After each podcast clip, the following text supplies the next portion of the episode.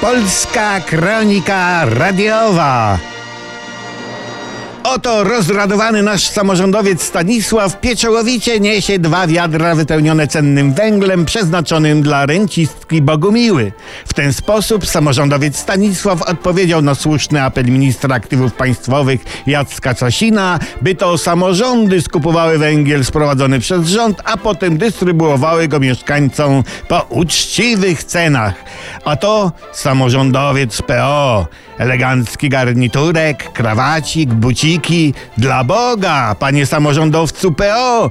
Larum grają, zima się zbliża, węgiel w granicach, a ty się nie zrywasz? Łopaty nie chwytasz, za wiadra nie łapiesz?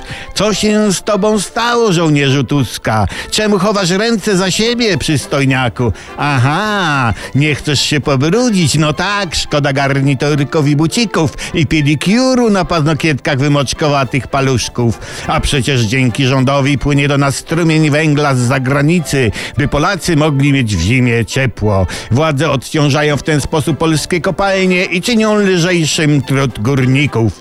Ale opozycja sabotuje dystrybucję węgla przez samorządy, nie chcąc walczyć z trudnościami, które Tusk pospołu z Putinem zgotowali Polsce. Złe języki spod złowrowego znaku opozycji twierdzą, że rząd chce zrzucić odpowiedzialność na samorządy za ewentualny brak węgla, którego dla Polaków zabraknie. Może i zabraknie, lecz Polaków ogrzeją gorejące serca wypełnione miłością do pana prezesa i partii. Niech sobie opozycja sabotuje działania rządu. Już przy najbliższych wyborach odsuniemy ich od władzy. Nie będzie nam Tusk wmawiać, że białe jest białe, a węgiel czarny.